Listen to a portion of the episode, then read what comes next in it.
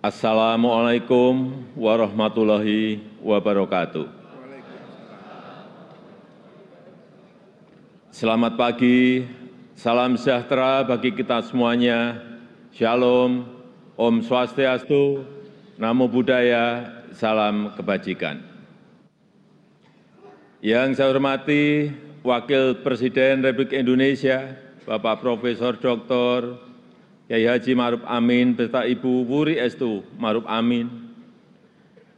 Yang saya hormati Ketua, para Wakil Ketua dan para anggota Majelis Permusyawaratan Rakyat Republik Indonesia. Yang saya hormati Ketua, para Wakil Ketua dan para anggota Dewan Perwakilan Rakyat Republik Indonesia. Yang saya hormati Ketua, para wakil ketua dan para anggota Dewan Perwakilan Daerah Republik Indonesia. Yang saya hormati ketua, para wakil ketua dan para anggota lembaga-lembaga negara. Yang saya hormati Ibu Profesor Dr.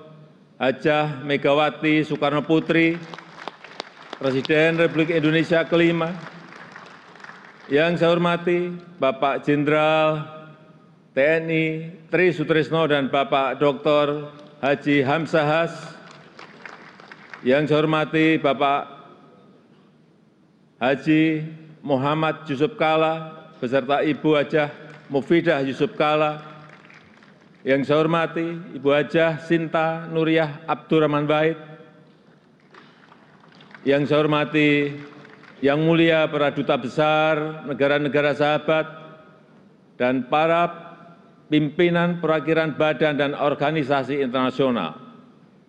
Yang saya hormati para menteri Kabinet Indonesia Maju, Jaksa Agung, Panglima TNI dan Kapolri, serta Kabin. Yang saya hormati para ketua umum partai politik Bapak, Ibu, saudara-saudara sebangsa dan setanah air, para hadirin yang saya muliakan. Kita saat ini sudah memasuki tahun politik. Suasana sudah hangat-hangat kuku dan sedang tren ini di kalangan politisi dan parpol. Setiap ditanya capres dan cawapresnya, jawabannya belum ada arahan Pak Lurah. Saya saya saya sempat mikir siapa ini Pak Lurah. Sedikit-sedikit kok Pak Lurah. Belakangan saya tahu yang dimaksud Pak Lurah ternyata saya. Ya, saya jawab saja, saya bukan lurah. Saya adalah Presiden Republik Indonesia.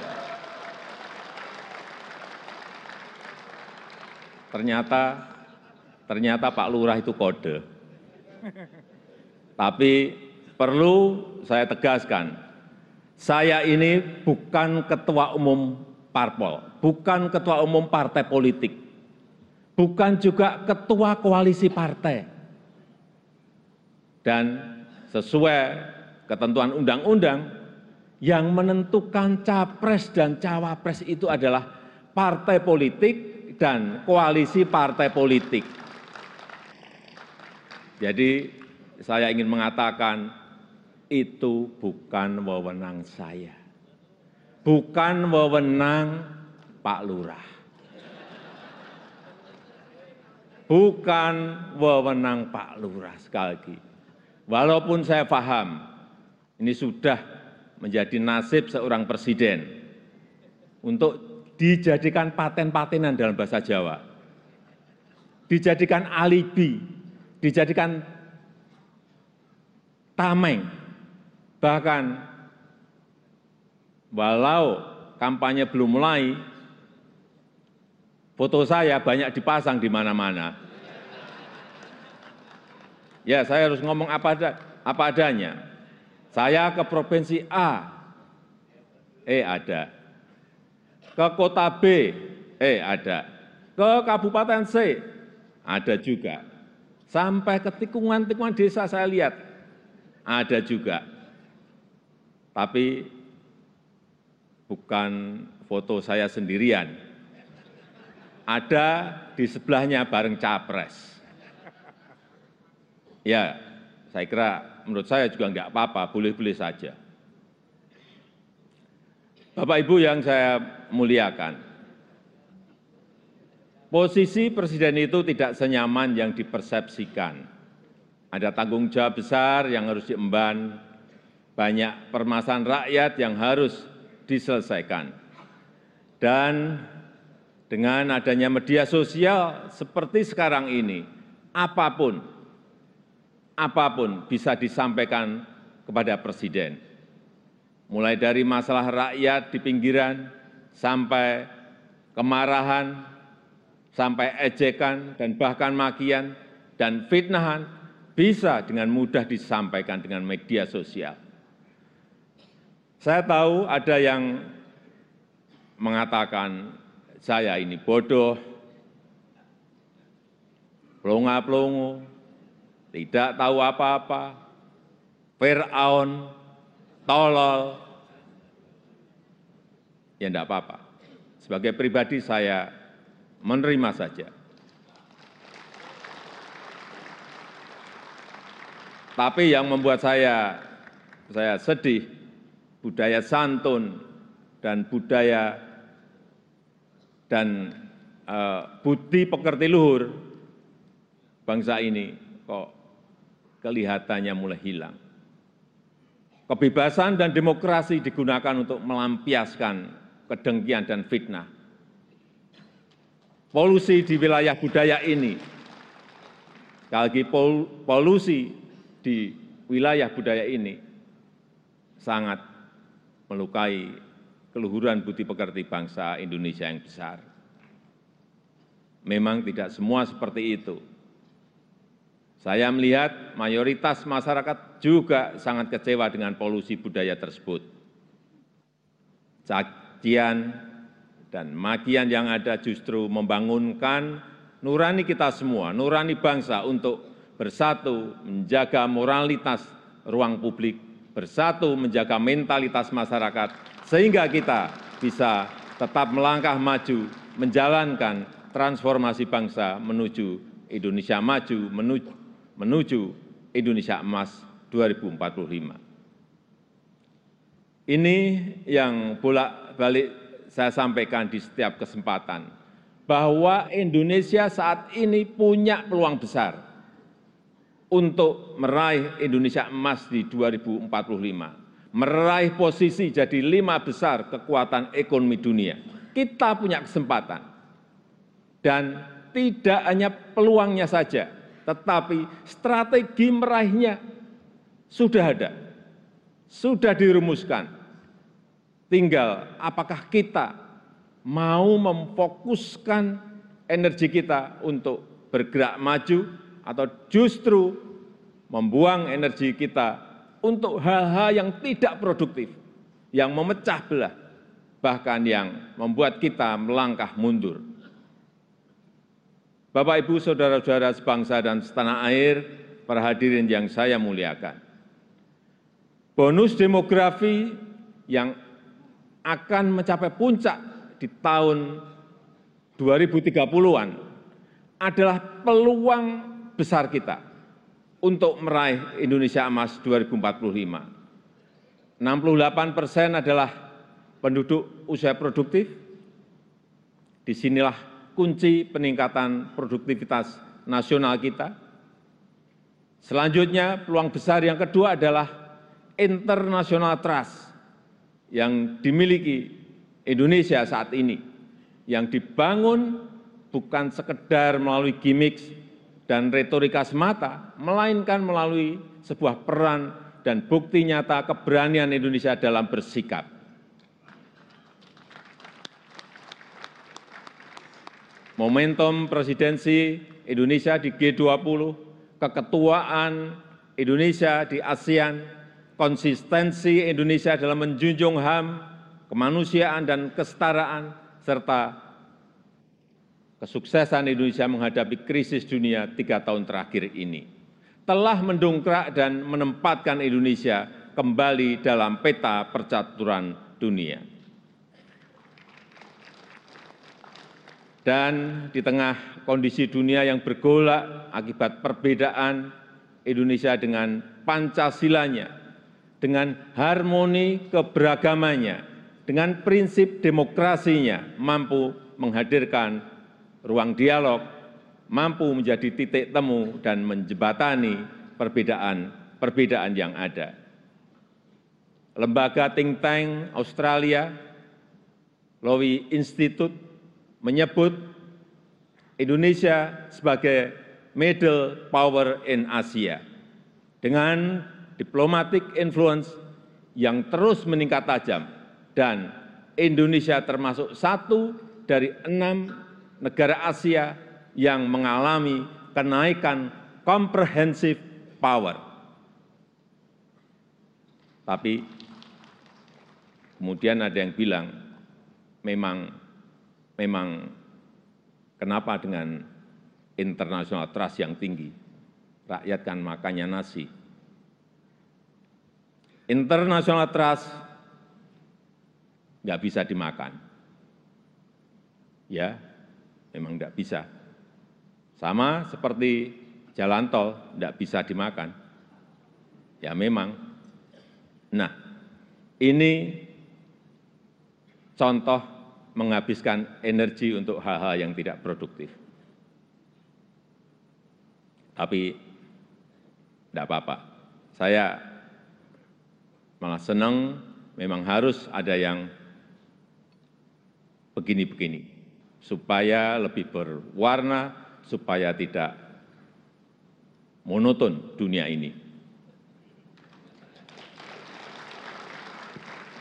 Bapak ibu yang saya muliakan dengan international trust yang tinggi kredibilitas kita akan lebih diakui. Kedaulatan kita akan lebih dihormati. Suara indonesia akan lebih didengar sehingga memudahkan kita dalam setiap bernegosiasi. Peluang tersebut harus mampu kita manfaatkan. Rugi besar kita jika melewatkan kesempatan ini karena tidak semua negara memilikinya dan belum tentu akan kembali memilikinya. Sehingga strategi pertama untuk memanfaatkan kesempatan ini adalah mempersiapkan sumber daya manusia indonesia. Kita telah berhasil menurunkan angka stunting menjadi dua puluh satu enam persen di dua ribu dua puluh dua dari angka sebelumnya tiga puluh tujuh persen. Menaikkan indeks pembangunan manusia menjadi tujuh puluh dua sembilan di dua ribu dua puluh dua. Menaikkan indeks pemberdayaan gender menjadi tujuh puluh enam lima di tahun dua ribu dua puluh dua. Menyiapkan anggaran perlindungan sosial total kalau dijumlah dari dua ribu lima belas sampai dua ribu dua puluh tiga sebesar tiga dua ratus dua belas triliun. Termasuk di dalamnya kartu indonesia sehat kartu indonesia pintar kip kuliah pkh kartu sembako serta perlindungan kepada lansia penyandang disabilitas dan kelompok kelompok rentan lainnya serta rescaling dan upscaling tenaga kerja melalui balai latihan kerja dan program kartu prakerja. Di saat yang sama sdm yang telah kita persiapkan harus mendapatkan lapangan kerja untuk menghasilkan produktivitas nasional. Sehingga kita juga harus mengembangkan sektor ekonomi baru yang membuka lapangan kerja sebanyak banyaknya yang memberikan nilai tambah sebesar besarnya di sinilah peran sektor ekonomi hijau dan hilirisasi sebagai window opportunity kita untuk meraih kemajuan. Karena Indonesia sangat kaya sumber daya alam, termasuk bahan mineral, hasil perkebunan, hasil kelautan, serta sumber energi baru dan terbarukan. Tapi kaya SDA saja, kaya sumber daya alam saja tidak cukup.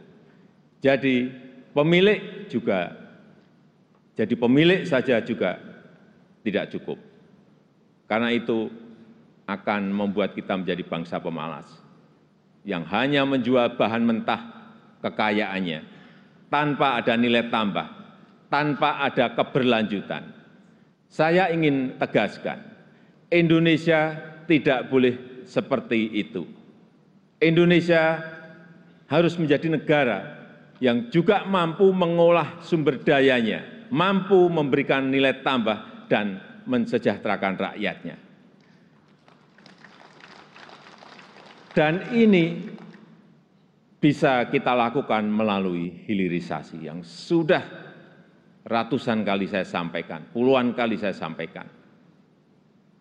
Hilirisasi yang ingin kita lakukan adalah hilirisasi yang melakukan transfer teknologi, yang memanfaatkan sumber energi baru dan terbarukan, serta meminimalisir dampak lingkungan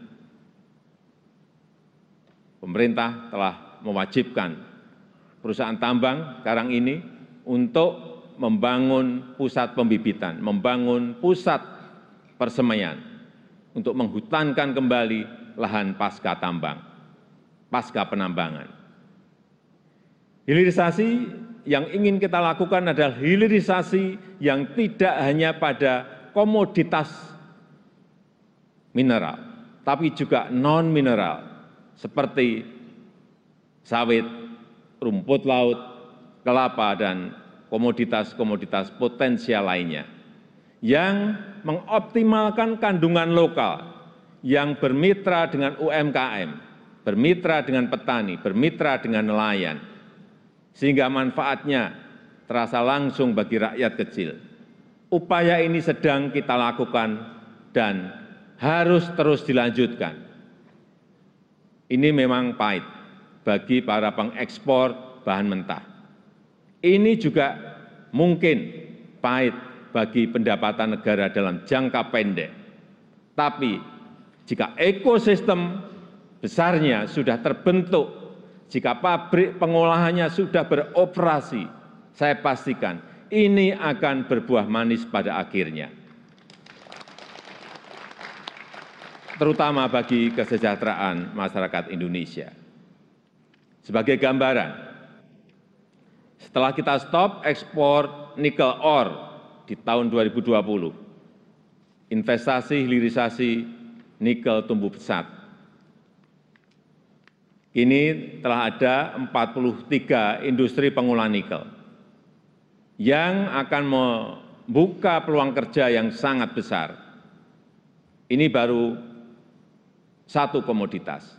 Dan jika kita konsisten dan mampu melakukan hilirisasi untuk nikel, kemudian tembaga, kemudian boksit, kemudian CPO, dan rumput laut, dan yang lain-lainnya, berdasar hitung-hitungan perkiraan, dalam 10 tahun pendapatan per kapita kita dalam 10 tahun mendatang pendapatan per kapita kita akan mencapai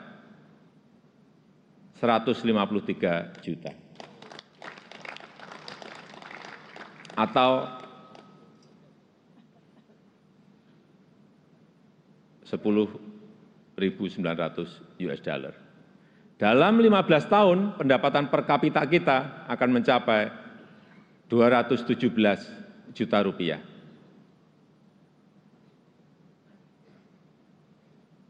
atau kurang lebih 15.800 US dollar.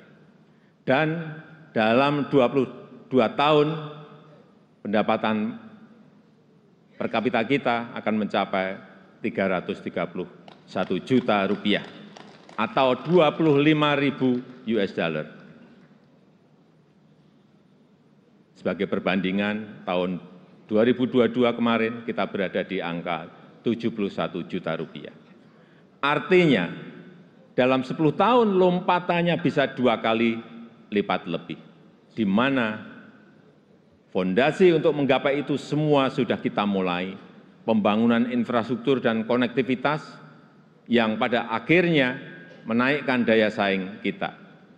Kita tahu berdasarkan International Institute for Management Development, IMD, daya saing kita di tahun 2022 naik dari ranking 44 menjadi 34. Ini merupakan kenaikan ini merupakan kenaikan tertinggi di dunia. Pembangunan dari desa, pembangunan dari pinggiran dan daerah terluar yang pada akhirnya memeratakan ekonomi kita dengan dana desa yang kita gelontorkan total mencapai 539 triliun dari tahun 2015 sampai tahun 2023. Konsistensi reformasi struktural, terutama penyederhanaan regulasi, kemudahan perizinan, kepastian hukum, dan pencegahan korupsi, semua itu menjadi modalitas kita untuk meraih kemajuan. Oleh sebab itu, saya berulang kali menyampaikan kepemimpinan ke depan sangat menentukan masa depan Indonesia. Ini bukan tentang siapa yang jadi presidennya. Bukan, bukan itu. Bukan itu. Tapi apakah sanggup atau tidak untuk bekerja sesuai dengan apa yang sudah kita mulai saat ini. Apakah berani atau tidak? Mampu konsisten atau tidak? Karena yang dibutuhkan itu adalah nafas yang panjang. Karena kita tidak sedang jalan-jalan sore, kita juga tidak sedang lari sprint, tapi yang kita lakukan harusnya adalah lari maraton untuk mencapai Indonesia emas. Bapak Ibu yang saya muliakan, tantangan ke depan tidaklah mudah. Pilihan kebijakan akan semakin sulit, sehingga dibutuhkan keberanian, dibutuhkan kepercayaan untuk mengambil keputusan yang sulit dan keputusan yang tidak populer. Oleh sebab itu, menurut saya,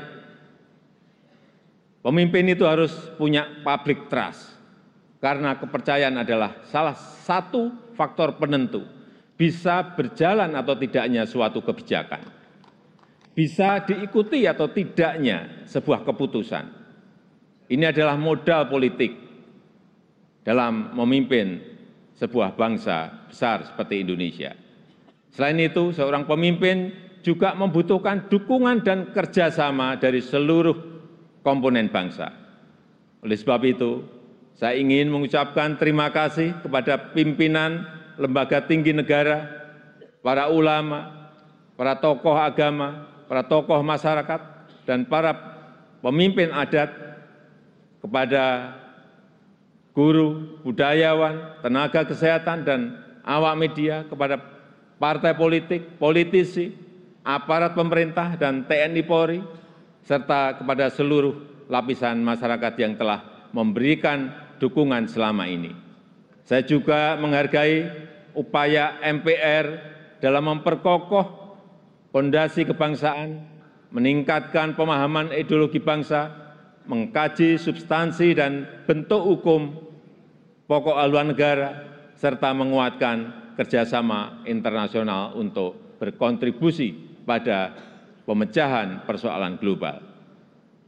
Dukungan DPR juga sangat luar biasa besar dalam mendukung reformasi struktural, mendukung upaya perbaikan tata kelola pemerintahan, menghindari penyelewengan pengelolaan keuangan negara dan mempersiapkan pelaksanaan pemilu serentak tahun 2024. DPD sesuai dengan kewenangannya juga telah aktif menyerap aspirasi masyarakat daerah, berperan dalam penyusunan beberapa RUU dan juga melakukan telaah terhadap sistem tata negara kita.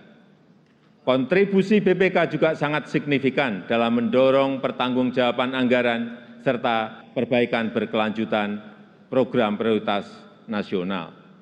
Upaya MA Mahkamah Agung dalam menciptakan keadilan patut diapresiasi melalui peningkatan transparansi peradilan, pengembangan sistem peradilan berbasis elektronik serta percepatan proses penanganan perkara dengan biaya murah.